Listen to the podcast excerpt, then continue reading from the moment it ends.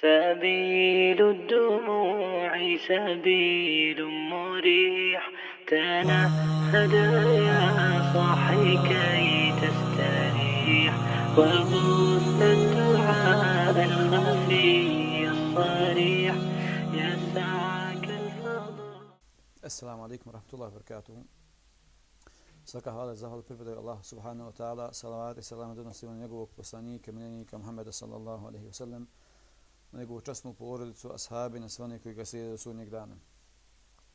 Molim Allah Želešanu da nam podari iskrenost, da nas sačuva zablude, da nam istinu pokaže istinu, da nam lakša da je slijedimo, da nam zabludu pokaže zabludom i da nam teža rad po zabludi. Islamsko društvo je uopšteno izloženo raznoraznim problemima, raznoraznim e, situacijama koje ih samo vodi ka nazad. Jedan od tih problema svakako jeste i loše mišljenje o drugim ljudima. Nažalost, danas u vremenu koje mi živimo je posebno, ne samo taj problem, već uopšteno, znači dosta problema s kojima se muslimani susreću, danas su posebno izraženi najviše zbog e, društvenih mreža i ostalog, tako? Pa ljudi e, koji imaju nekih problema sa sami sa sobom nisu neke stvari, jel tako, razriješili, pa pojavi se tu problema da čovjek želi da se pokaže i tako dalje. Znači, spoji se tu više, više od e, jednog problema i onda iz problema čovjek ide u drugi problem, problem vuče drugi problem i zbog toga je čovjek često izložen i ovom problemu da loše misli o drugim ljudima. Prije svega zato što nije sebe prodgojio kako treba, što nije očistio svoje srce pa da o ljudima misli dobro. A druga stvar, što čovjek, ili tako na društvenim mrežama, vidi svašta nešto, neko prikaže sebe na društvenim mrežama u jednom svjetlu, a onaj koji gleda iz nekog drugog ugla, gleda, vidi sasvim nešto drugo i onda je tako sumnja, možda je ovako, možda je onako, zbog čega je on to uradio, zbog čega se on e, plasira i tako dalje, zbog čega se sliko, zbog čega objavio to i onda je tako pojavljuje se sumnja. Tako da baš u današnjem vremenu je potrebno da se govori o ovoj temi, o uzrocima, o liječenju i tako dalje. Pa Počinjaci kada govori o ovoj temi, kada govori e, o definiciji ovog problema, što je to u stvari da se o ljudima misli loše, najjednostavnije rečeno jeste da čovjek kada ima izbor da o nečemu, nekoj situaciji, možda pomisliš dobro i loše, pa tvoje srce izabere ono loše da pomisli. To je naj, najjednostavnija definicija što je to stvar loše mišljenje o drugima. Vidiš nekoga, vidiš neku situaciju, može biti da ovako, može biti da onako, i umjesto da postupimo ko vjernici, da nađemo, jel tako, pratu, e, opravdanje, mi jednostavno nađemo i odmah idemo na ono zlo, e, sigurno je htio da uradi to i to. E, Al-Mawardi definiše ovaj problem da je to kad ne vjeruješ onome kome bi trebao da vjeruješ. Znači neko je dokazao u svom životu, dokazao je tako da je od onih kojima se treba vjerovat, dokazuje svojim postupcima, svojim vjerom, svojim držanjem, tako za islamski propis i tako dalje, dokazao je da od onih kojima se treba vjerovat i onda, znači, kad ne vjeruješ onome kome bi trebao da vjeruješ. I onda od takvog čovjeka desi se nešto što možda ukazuje ili može biti da je ispad, neki njegova neka greška, a može biti da je pogrešno svačeno to od njega i onda, je tako, čovjek ako pokuša da mu nađe opravdanje, sigurno da mu može naći, ako ne pokuša da nađe opravdanje, već odma traži ono negativno, to se smatra e, lošim mišljenjem. Ibn Qayyim kada govori o ovom problemu, kaže da je loše mišljenje o drugim ljudima kada ti se tvoje srce e, napuni sa lošim mišljenjima, sa sumnjama o drugim ljudima i na kraju kaže to preplavi i preplavi preko jezika i preko čovjekovih organa, preko čovjekovih dijela. I onda je tako kada čovjek u svom srcu samo misli zlo, ona onako on htio sigurno to nije mislio ovako, nije mislio onako, onda ne pokušava da nađe opravdanje, već pokušava samo da izvuče iz svake situacije ono najgore i onda je tako kada se njegovo srce napuni svim tim e, negativnim mislima, svim tim lošim e, mišljenjima o drugim ljudima, jednostavno to na kraju preko njegovog jezika se pokazuje i onda on druge ljude ili ih ne voli, ili ih kritikuje, ili ih omalovažava, i onda i oni njega isto tako, tako omalovažavaju, ne vole ga isto kao što i on njih ne voli. Allah Želešanu u Kur'anu na dosta mjesta govori o lošem mišljenju. Inače, kada se govori o lošem mišljenju, učenjaci govori e, o dvije vrste.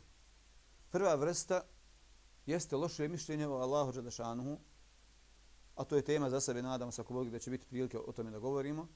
I druga vrsta, loše mišljenje o ljudima. Allah Đelešanuhu na dosta mjesta govori i o jednoj i o drugoj vrsti lošeg mišljenja. Svima poznat ajed gdje Allah Đelešanuhu kaže Ja ih alladhina amanu jtanibu kathiran min adh-dhanni inna ba'da adh-dhanni ithm wa la tajassasu wa la yaghtab ba'dukum ba'da. Ovi koji vjerujete klonite se raznoraznih sumnječenja jer su neka sumnječenja grijeh. I nemojte jedni druge uhoditi i nemojte jedni druge ogovarati. Znači poznate ajet tako koji govori o gibetu, međutim Allah Đelešanuhu ovdje govori i spominje ove tri stvari. Da ne misliš loše o drugome, zatim da ne uhodiš druge i treće da ne ogovaraš druge ljude. Znači ove stvari, iako je svaka za sebe odvojena, ali one su međusobno povezane. Tako da kad vidimo Allah Žešanu ono prvo ovdje spominje da ne sumnječimo, odnosno da ne mislimo loše jedni od drugima. Ako to ne izbjegneš, iz toga ti proizilazi i e, uhođenje i ogovaranje. Jer što bi ti nekoga uhodio ako si siguran da je on kako treba? Znači, ako sumnjaš u nekoga, imaš loše mišljenje o, ne, o, nekome, znači nisi ubijeđen, on je 100% loš, već sumnjaš, imaš loše mišljenje o njemu. E onda ti, da bi sebe ubijedilo, to bolesno srce, onda on počinje da ga uhodi, pa onda tako kada ga počne uhoditi da vidi je to tako, nije li tako, onda možda sazna neke stvari koje Allah Želešanu pokrio, onoga ako možda ima neku grešku, pa ono tako pokušava da otkrije te neke uh, mahane. I onda nakon toga dolazi do ogovaranje i onda čovjek zbog tog lošeg mišljenja upada u dva velika grijeha, u uhođenje i u ogovaranje. Pa Allah Đelešanu je sve ove stvari ali tako spojio u jednom ajetu i o sva ova tri grijeha Allah Đelešanu govori na jednom mjestu, ali kao što tako vidimo da su sva tri grijeha usko povezana, povezana, a sve počinje od lošeg mišljenja o drugim ljudima. Također Allah Đelešanu u drugom ajetu, iako drugi ajet u osnovi govori o lošem mišljenju Allahu Đelešanu, Jer prije ovih ajet Allah Želešanuhu kaže وَمَا لَهُمْ بِهِ مِنْ إِلْمِ إِيَّ تَبِعُونَ إِلَّا الظَّنَّ وَإِنَّ الظَّنَّ لَا يُغْنِي مِنَ الْحَقِّ شَيْئًا Prije ovoga Allah Želešanuhu kada opisuje mušike koji Allahu Želešanuhu pripisuju kćerke, odnosno govori da su meleci Allahove, Allahove kćeri. Allah Želešanuhu uzvišen i daleko od toga što mu nevjernici prepisuju. Pa Allah Želešanuhu govori ovdje kaže, a oni o tome ništa kaže ne znaju. Oni samo slijede e, njihove pretpostavke, a pretpostavka ne može promijeniti istinu. Pretpostavka ostaje, pretpostavka istina ostaje istina. Koliko god mi htjeli tako da našom pretpostavkom nešto promijenimo, istina ostaje istina. Iako ovaj ajet tako govori o lošem mišljenju Allahu Želešanu nevjernici, o Allahu loše misli, da Allah Želešanu ima kćeri, Allah je uzvišen od toga da sebi Allah uzme dijete. I onda Allah Želešanu govori da su to stvari njihove pretpostavke, a da pretpostavka istine ne može naškoditi, niti istinu može promijeniti. Isto tako s i drugim situacijama kada su pitanje tako ljudi. Isto ovo važi. Pretpostavka ne može istini da naudi. Pretpostavka ne može promijeniti istinu. Istina ostaje istina. Zato oni koji ljudima loše misle, treba da znaju da ništa istinu promijeniti neće. Samo će sebi da naškode i onima onima koji su oko njih. Da se Allah Želešanuhu toga sačuva. Također poslanik sallallahu alaihi wa sallam u mnogim hadisima govori ili direktno ili indirektno govori o ovom problemu, o lošem mišljenju o drugim ljudima. Pa kaže poslanik sallallahu alejhi ve sellem u jednom hadisu čuvajte se lošeg mišljenja jer loše mišljenje je najveća laž ili najlažljiviji govor. I ovdje vidimo poslanik sallallahu alejhi ve sellem ovdje ovo e, loše mišljenje naziva govorom, iako mišljenje u stvari nije govor, već to je samo mišljenje ono što je unutar čovjeka, al poslanik sallallahu alejhi ve sellem ga naziva govorom. Pa kaže loše mišljenje je najlažljiviji govor. Počinjaci kažu da se ovdje odnosi na govor duše.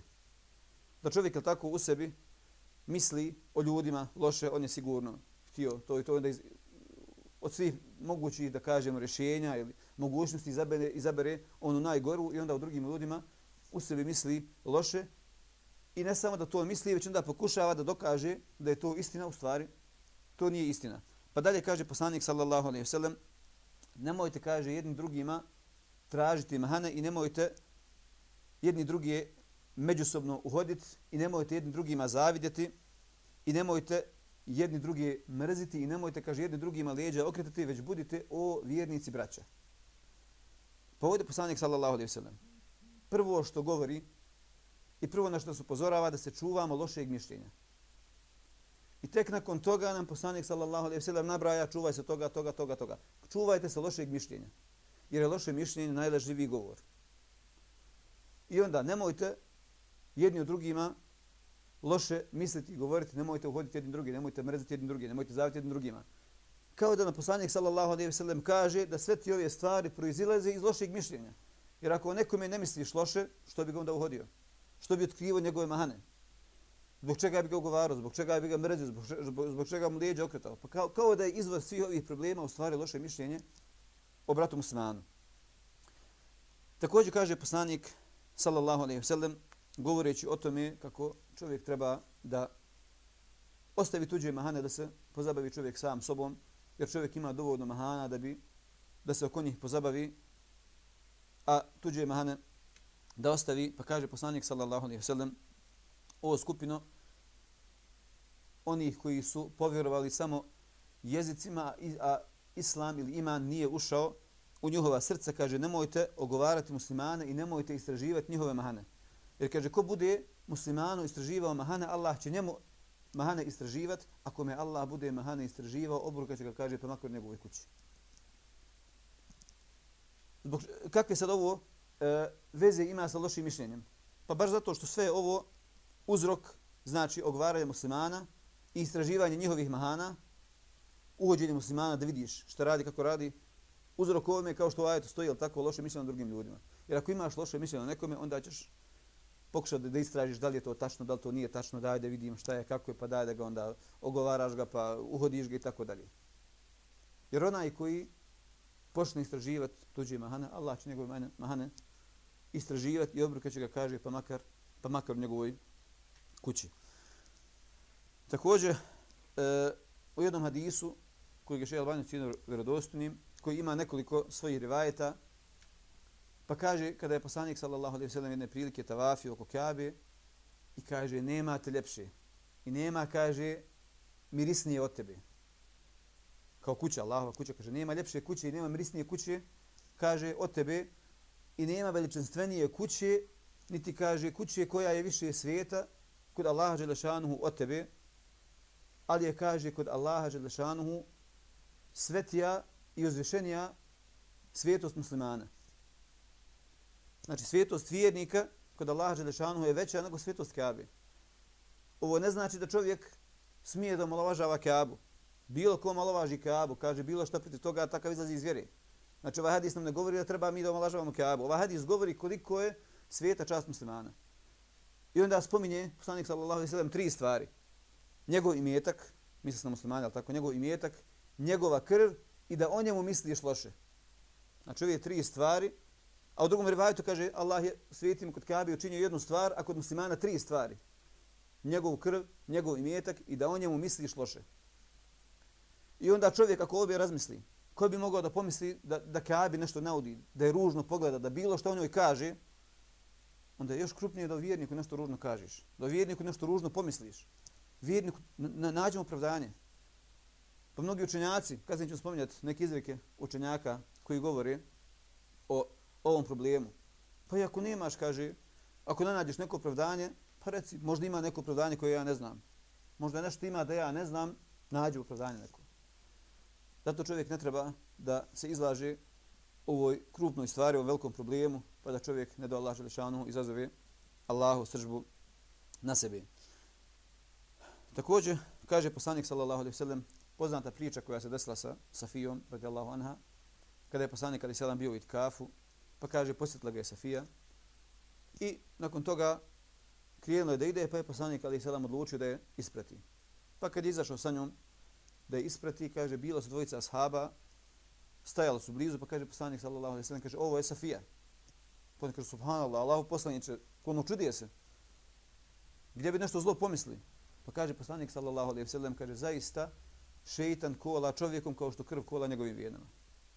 Pa da ne bi im šejtan prišao da im došapne možda je ovo, možda je ono, odmah je poslanik sallallahu alejhi ve sellem prekinuo je tako svaku svaki put do te sumnje, pa da ne bi slučajno im šejtan prišao njima kasnije pa da kaže da nije ovo, da nije ono, kaže ovo je Safija, da znaju da je, da tako, s kime poslanik sallallahu alejhi ve pa kažu, al subhanallah, začudili se, zar sumnjaš da bi mi nešto o tebi Allah poslaniče ružno pomislili? Al da čovjek ne bi dozvolio prile šejtana i da i mi koji smo došli nakon te generacije iz ovoga treba da naučimo. Pa kada vidimo nekoga u bilo kojoj situaciji, nađemo mu razlog. Koliko se puta desilo da smo nekoga vidjeli možda u nekoj situaciji koja nam se čini da nije u redu, ali onda kad saznaš kasnije od nekoga ili kada ga direktno pitaš, postupiš bratski, brate, vidio sam te tako i tako, reci mi čemu se radi. A ne onako, znaš, čovjek samo vidi nekoga i onda prešuti, unutar sebe smatra o njemu nešto loše, u stvar čovjek nikom ništa zgriješio, nije, ništa nije pogriješio, tako jednostavno. Neko samo pogrešno procijenio, vidiš nekog insana s nekom djevojkom, ti se kontaš da li mu je ovo, da li mu je ono. Možda mu je sestra, možda mu je rodica, možda mu je žena, da ti ne znaš. Znači, može biti milion nekih razloga opravdanja da mu nađeš. Jednostavno čovjeku, šetan tako mu dođe do odmah, najgore pomisli da nije upao kakav haram. Zato čovjek ne smije da se izlaže ovakvim situacijama. Čovjek, musliman, treba, treba da traži opravdanje. Loše mišljenje, kao i svaki drugi problem, ima i posljedice koje čovjek, tako, ako bude imao ovaj problem kod sebe, sigurno da će imat i posljedice. Pa između ostalog, čovjek koji bude loše mislio o drugim ljudima, takav može kod sebe u svojoj porodici da napravi veliki razdor, da uništi svoju porodicu, pa čak do tih granice, ali tako, da taj problem bude rastava i da se porodica raspe zbog nekog, e, zbog neke možda sitnice koja nije ispravno shvaćena, pa dođe li tako čovjek pa pomisli na bilo koji način žena čovjeka šta ti je ovo, šta ti je ono, i onda počne tako da suniči neke stvari ili mu ženi, znači na kakvi sitnica čovjek pomisli i onda to može da dođe do situacije da čovjek se rastavi sa ženom, da se porodice tako e, raspe, da djeca ostanu bez bez roditelja da zajedno sa njima živi i tako dalje. Znači ovaj problem može da dovede između ostalog i do uništavanja porodice. Također e, ovaj problem predstavlja ko sebi dozvoli ovaj problem, takav je otvorio šeitanu vrata. Znači kao posljedica onoga da čovjek u drugim ljudima misli loše, takav je šeitanu otvorio vrata. Jer šeitan jedva čeka da ti počneš od nečega da on može tako da nastavi. Jer Allah Želešanu ono majetu kojeg smo prvog citirali, klonite se sumnjičenja. Znači, svi sumnjičenja se kloni. Neka sumnjičenja su grije, nisu sva. Ali ti se kloni svi sumnjičenja. Nemoj otvarati šeitanu prilaz. Jer ako mu otvoriš prilaz, gotovo. Čim ti otvoriš, do, dozvoliš šeitanu, da ti priđe, pomisliš na nekom je loše, šeitan koristi prilike, to ti preveličava, ti rad, hajde sad ovo, hajde sad ono, pa vidi ovo, pa vidi ono. Tako da, od posljedica toga da čovjek o drugim ljudima misli loše, jeste i to da otvara, da otvara šeitanu vrata. Također, od posljedica jeste da čovjek sa ovim sebi pruzrokuje bolje srca. I ovo ukazuje, znači, kod koga se pojavi ovaj problem, da u drugim ljudima misli loše, to ukazuje samo na njegovu unutrašnju prljavštinu. Znači, onaj koji sumna u druge ljude, o njima misli loše, takav će samo pokazati ono što unutra nosi, poput navika i ostalih čija je nutrina prljava i pogana i koji svojim jezicima, kada izbacuju to što je unutra, truju druge ljude, truju društvo, Pa prenosi se od imama Gazali, Allah da mu se smiluje, da je rekao, kaže, kad god vidiš e, čovjeka koji ima loše mišljenje o drugim ljudima, kaže, vidjet ćeš da je to dokaz da on u stvari iznutra je prljav. Jer on kaže, druge ljude gleda kroz sebe. Misli da je svako drugi koji on. Pa vidiš nekoga i onda ti, ne znam, ako neku stvar razumiješ kako ne treba, ti se odmah kontaš da je neko drugi isto tako postupio. I onda kaže drugi ljude, takav čovjek gleda, kaže, pod sebe, e, kroz sebe Jer kaže vjernik drugim ljudima traži opravdanja, a kaže munafik drugim, drugim ljudima kaže misli se misli samo loše. Također od posljedica, u stvari ovome kad govorimo, o ovom problemu sad, da e, ovo ukazuje na čovjeku prljavšnju iznutra. Koliko ljudi ima koji imaju kod sebe ovu osobinu i ti koliko god da pokušavaš sa njim u razgovor, da neku stvar dokažeš, saznaš na neki način, tako da on o tebi govori to i to, da o tebi smatra nešto loše i sad normalno insana zaboli kada neko njemu priča nešto što nije istina i onda dođeš kažeš čuo sam tako i tako, međutim nije to istina i onda on je tako opet dalje tebe ubjeđuje kako ti u stvari nisi u pravu. I onda koliko god ti njemu jaki dokaze da izneseš, ako on iznutra prljav, on jednostavno ne podnosi da ti njemu izneseš istinu. On je ubijeđen da on u pravu i onda ako i god, god dokaz da mu izneseš, on kaže, pa dobro, ti si, znaš, na jeziku si ti jak, ti znaš ti to fino da objasniš, ali dalje on ubijeđen kako on u pravu. I takvi ljudi jednostavno ne mogu, ne mogu da prihvate istinu, već se bore protiv toga i jednostavno njihova nutrina je prljava i izbacuju iz sebe prema drugim ljudima. Od posljedica također jeste e, da to biva uzrokom mržnje i neprijateljstva među ljudima. Pa kao što kaže Ibn Qayyim, ono prvoj definiciji koju smo tako spomenuli, da čovjek koji u svom srcu ima lošeg mišljenja o drugim ljudima, da to na kraju ispjeva tako preko jezika, preko njegovih organa i takav čovjek onda samo preko svog jezika i psuje druge ljude, otkriva tuđe bahane, mrzi, svađa se i tako dalje. Također od posljedica jeste da loše mišljenje vodi o tome da čovjek pokušava da istražuje tuđe mahane. Jer rekli smo tako, onaj koji loše misli o drugima, onda takav želi da tu svoju, e, te svoje misli da ih potvrdi na neki način i onda on pokušava ne samo to, već pokušava da kopa još više tuđe mahane, da što više iskopa tuđe mahana iz neke svoje mržnje prema drugim ljudima. Pa također govori, e, imam Gazali, kada govori o ovome, da je od, e, od posljedica lošeg mišljenja o drugim ljudima, kaže, i uhođenje. Jer, kaže, srce ne može da se, e, da samo sebe ubijedi da ono što ono misli da je istina, već, kaže, ima potrebu da to dokaže. I onda počinje, kaže, da uhodi druge ljude. Također od posljedica jeste da loše mišljenje o drugim ljudima prouzrokuje e, nepovjerenje prema drugim ljudima. Znači jednostavno misli, ne, nemaš povjerenje u druge ljude, misliš da niko drugih ljudi ne govori istinu, da samo ti na istini, da kogod drugi šta kaže, sumnjaš da je to istina, misliš da hoće nešto da ti spetlja i tako dalje. Pa kada su pitali jednog učenjaka, kaže koji je to čovjek čije je stanje najgore, kaže to je onaj koji nikome ne vjeruje osim svojim lošim mislima.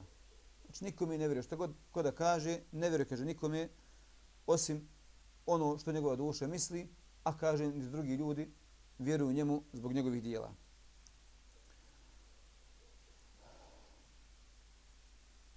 Učenjaci kada govore o ovom problemu, naćemo dosta izrijeka bilo od, od, od ashaba ili onih nakon njih kada govori o ovom problemu. Pa kaže Alija radijallahu anhu nije kaže nije od pravde da provjerenom presuđuješ sa e, sa mišljenjem. Znači ono što je provjereno, ako je nešto tačno, onda nije pravedno da ti kažeš, e ja mislim da je to tako. Neko jednostavno dokaže tako je situacija, to je činjenica, i onda ti želiš toj činjenici da presudiš sa mišljenjem. Kaže, to nije od pravde.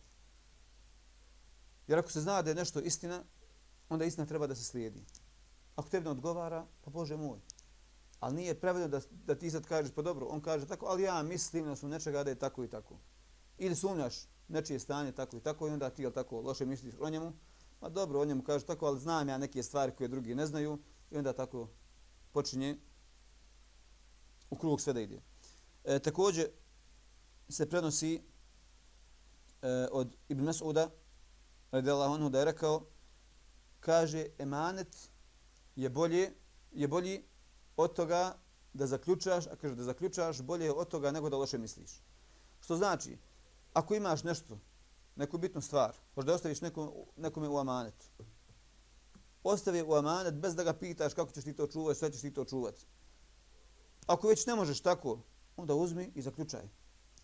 Znači, zatvori negdje i budi siguran, kaže, to ti je bolje nego da sumnjaš u nekoga, ostaje s nekom u amanet, da ti čuva mobitel, da ti čuva auto, da ti čuva bilo šta, i da kontaš, da li će sad meni to tamo nešto pokvar, da li će on to koristiti, da li će on to, znaš. Ako već ne možeš dostaviš u amanet, onda kaže, bolje ti je zaključaj da ne bi, da ne bi posumnjao loše o muslimanu. Također se prenosi od Hatabija da je rekao, kaže, loše mišljenje je izvor većine laži. Znači, većina laži koje čovjek slaže, njihov izvor ili njihov početak jeste iz lošeg mišljenja. Pa o nekome nešto loše misliš i onda neko priča o nekom čovjeku i zato što ti možda o njemu nešto loše misliš i tu svoje, to svoje mišljenje jednostavno prikazuješ ga kao neku istinu. I onda kažeš, ma dobro, nije to tako, i onda slažeš nešto. Znači, loše mišljenje, u, odnosno laž u dosta situacija, u većini situacija, uzrok je, uzrok je loše mišljenje o drugim muslimanima. Također kaže Imam Gazali, Allah mu smilo, kaže kada se u srcu nađe loše mišljenje, to je, kaže, od šeitanovih došaptavanja. A kaže, vjernik je obavezan, kaže, da utjera šeitana u laž. Jer Allah da šanu u Kur'anu kaže, o vjernici kaže, ako vam kakav napočni čovjek donese kakvu vijest, vi kaže, dobro, provjerite, a kud će ti veći neprijatelj i kud će ti veći lažac biti od šeitana. Pa kaže, kada ti god šeitan priđe s nekim lošim mislima o drugim muslimanima, nemoj da mu povjeriš, utjeraj ga u laž, jer veće grešnika od njega nema. Allah će da od nas traži da kada ti grešnik dođe sa nekom viješću da je dobro provjeriš. Da bi čovjek se riješio ovog problema, treba da kod sebe izgradi lijepo mišljenje o drugim ljudima. Znači, da se riješiš lošeg mišljenja o drugim ljudima, onda treba da radiš stvari, da se trudiš, da kod sebe izgradiš ono e, što će kod tebe izgraditi lijepo mišljenje prema drugim muslimanima. A to čovjek može uraditi na nekoliko načina. Jeste da čovjek sebe trenira da uvijek o drugim ljudima misli dobro. Znači, koju god situaciju da vidiš, vidiš brata muslimana, radi nešto što ne treba, uvijek prvo gledaj onu dobru stranu. Isto kao što je loše mišljenje na drugim ljudima. Imaš e, situaciju gdje može biti dobro, gdje može biti loše. Loše mišljenje jeste kad ti izabereš ovu lošu, lošu situaciju, pa kažeš on je htio to i to. Suprotno tome je lijepo mišljenje. Pa imaš situaciju gdje možeš pomisliti dobro i loše. Ti pomisli, ti pomisli dobro. Jer čovjek o vjernik uvijek treba da misli dobro. I onda kada čovjek sebe trenira da uvijek o drugim ljudima misli dobro na takav, na, na takav način će sebi olakšati i pomoć tako da se da sačuva ovog problema i da riješi kod sebe ovaj problem ako ga je kod sebe ranije imao. Također, jeste da ono što čovjek čuje od drugih ljudi treba da shvati na najljepši način. Znači, neko kaže neku rečenicu, ti tu rečenicu pokušaj da je shvatiš onako kako je najbolje, isto kao je tako kada od, kod drugih ljudi vidiš neku osobinu, vidiš da neko nešto radi, isto kao što to treba da shvatiš na najljepši način, isto tako kada neko nešto kaže, ti shvati izvuci s toga ono najljepše. Ima nekad neko uh, ili u govoru brza pa kaže nešto što nije htio da kaže, napravi neku grešku, pa ti iz te greške izvuči, vidiš on je sad to htio da uradi, pa koliko ćemo danas naći uh, na internetu da ljudi da tako iste neke svoje mržnje prema drugima da sijeku govore, pa neko kaže neku rečenicu, on samo izvuče ono što njemu odgovara, kako bi tog drugog prikazao onako kako to nije istina i onako kako ne valja. Tako da vjernik sebi ne smije dozvoliti na takav način, jer često čovjek ima nekoga ko suprotno njemu misli, ko ima možda drugačije stavove od njega, međutim to ne daje za pravo da ti nekoga na takav način predstavljaš da sjećaš njegove govore kako bi ti njega sad prikazao kao nekoga ko je loš. Te razlike koje su među ljudima, to rješava na drugi način, ali nije dozvoljeno da nekoga na takav način predstavljaš i da kod drugih ljudi e, izgradiš loše mišljenje o tom čovjeku na osnovu tih nekih govora koji se na bilo kakav način bilo da izražiš na neki način da predstaviš tuđi govor. Također čovjek će kod sebe ovo izgraditi tako što će uvijek pokušat da nađe opravdanje kod brata muslimana. Pa se prenosi od Ibn Sirina, Allah da mu se smiluje, pa kaže, ako, te, ako ti dođe neka vijest o tvojom bratu muslimanu, kaže, ti pokušaj da mu nađeš opravdanje, a kaže, ako mu ne nađeš opravdanje, onda reci, pa možda ima nešto što ja ne znam, možda ima neko opravdanje koje ja ne znam, ne mogu da ga nađem, ali vjerojatno da ima opravdanje. Također se prenosi govor koji se često možda kod nas e, citira kao hadis, da čovjek vjerniku treba da nađe 70 opravdanja, ispravno da je ovo, neki učenjaci pripisuju ovaj govor im Sirino, neki ga pripisuju e, uh, Džafaru ibn Muhammedu, Allah da im se smiluje. Tako da ispravno značenje ima, u svakom slučaju bio hadis, ne bio hadis, znači ispravno značenje ima da čovjek vjerniku treba da nađe 70 razloga. Pa vidi, možda je to, pa možda je to, pa možda je to, pa sve živo, prevrni. Pa i na kraju ako ne nađeš razlog, reci, pa dobro, možda ima neko opravdanje, ali ja ga ne znam. Gdje god ima situacija da možeš da pomisliš i dobro i loše, gdje sumnja, tu pokušaj muslimanu da nađeš neko opravdanje, da ga da tako pokriješ, jer možda, i, i ako jes možda napravi neki grijeh, neku grešku, htio je možda jel tako da sakrije, pa nije uspio, ali dobro ti uvijek muslimanu, ako nešto 100% nije jasno, tu se zaustavi i uvijek gledaj da izabereš ono što misliš da je ljepše, da nađeš vjerniku, vjerniku opravdanje. Također, od načina na koji će čovjek kod sebe razviti lijepo mišljenje o drugima, jeste da čovjek ne smije da sudi prema tuđim nijetima. Ono što je u srcima, to pripada Allahu Želešanu. Mi ne smijemo u tuđa srca dolazimo pa da kažemo, e vidiš ovako, e vidiš onako, on je možda htio to, možda je htio to. Ono što je u srcima, mi ne smijemo da ulazimo, mi samo e, sudimo po vanjštini, po ljudskim delima, a ono što je u ljudskim srcima, u to nemamo pravo da, da ulazimo. Pa je poznata priča e, koja se prenosi od Usame ibn Zida, Allah da vam smiluje, kaže, bili smo u jednoj bitci. Bili smo, kaže, ja još jedan ensarija, pa je, kaže, među mušicima bio jedan čovjek koji je, kaže, uvijek među prvim ljudima jurišao na muslimane i koji, kaže, kada bi se povlačili, kaže, među zadnjim bi se povlačio i, kaže, čuvao bi nevjernike, izuzetno bio hrabar i borio se, žestoko se borio protiv muslimana. Pa kaže, nekako smo ga opkolili, kaže, ja i ovaj Ansarija. I kaže, kad smo ga već opkolili, kad više nije imao izlaza, kaže, on izgovorio šahadet. Pa je, kaže, Ansarija se odmah od njega, a ja sam, kaže, došao i ubio sam ga. Pa kaže, kad sam rekao to poslaniku, sallallahu alaihi sallam, naljutio se. Kaže, zar da ubiješ nekoga koji izgovorio La ilaha illallah. Kaže, Allah posljedniče je to izgovorio samo da bi sebe spasio. I onda je, kaže, poslanik, sallallahu alaihi sallam, kaže, non stop ponavlja, zar da ubiješ nekoga koji izgovorio La ilaha illallah. Kaže, toliko je ponavljao da sam na kraju poželio, kaže, da Bog da nisam primio islam nikako prije toga, da sam tek nakon toga primio islam. Toliko je poslanik sallallahu alaihi sallam kritikovao.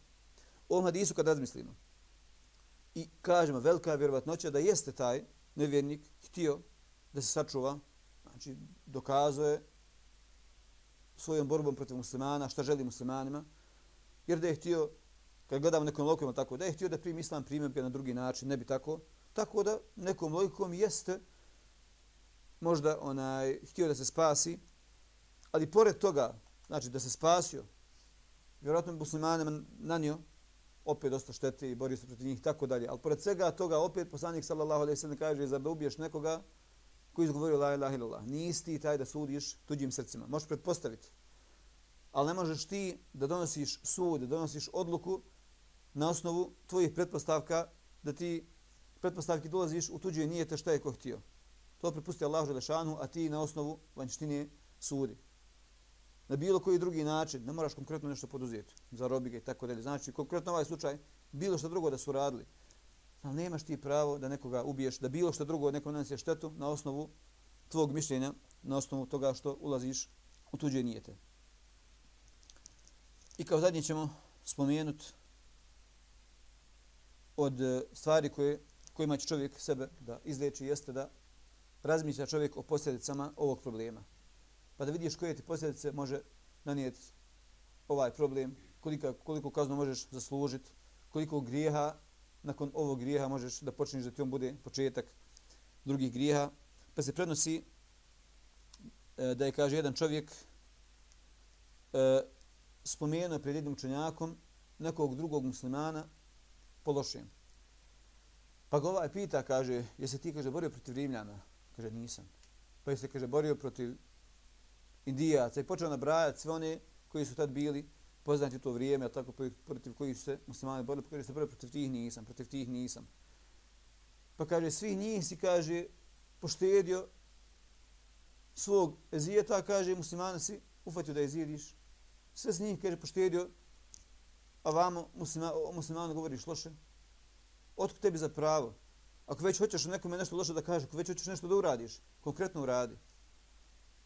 Muslimani ostavi na miru, nemaš ti pravo na osnovu svojih mišljenja, na osnovu svojih pretpostavki, da o vjerniku govoriš nešto loše. Molim Allah da šanu da nam svima smiluje, da očiti naša srca, da iz njih izbati sve ono što je loše, sve ono što Allah da ne voli, a da naša srca očisti i u njih ubaci sve ono što je Allah da šanu drago, sve ono što je od osobina vjernika. Allah Želešanu je tako i slušava dove naša zadnja dove, neka hvala Allah gospodara svjetova i neke salava salam njegovog poslanika. Wassalamu alaikum wa rahmatullahi wa barakatuh.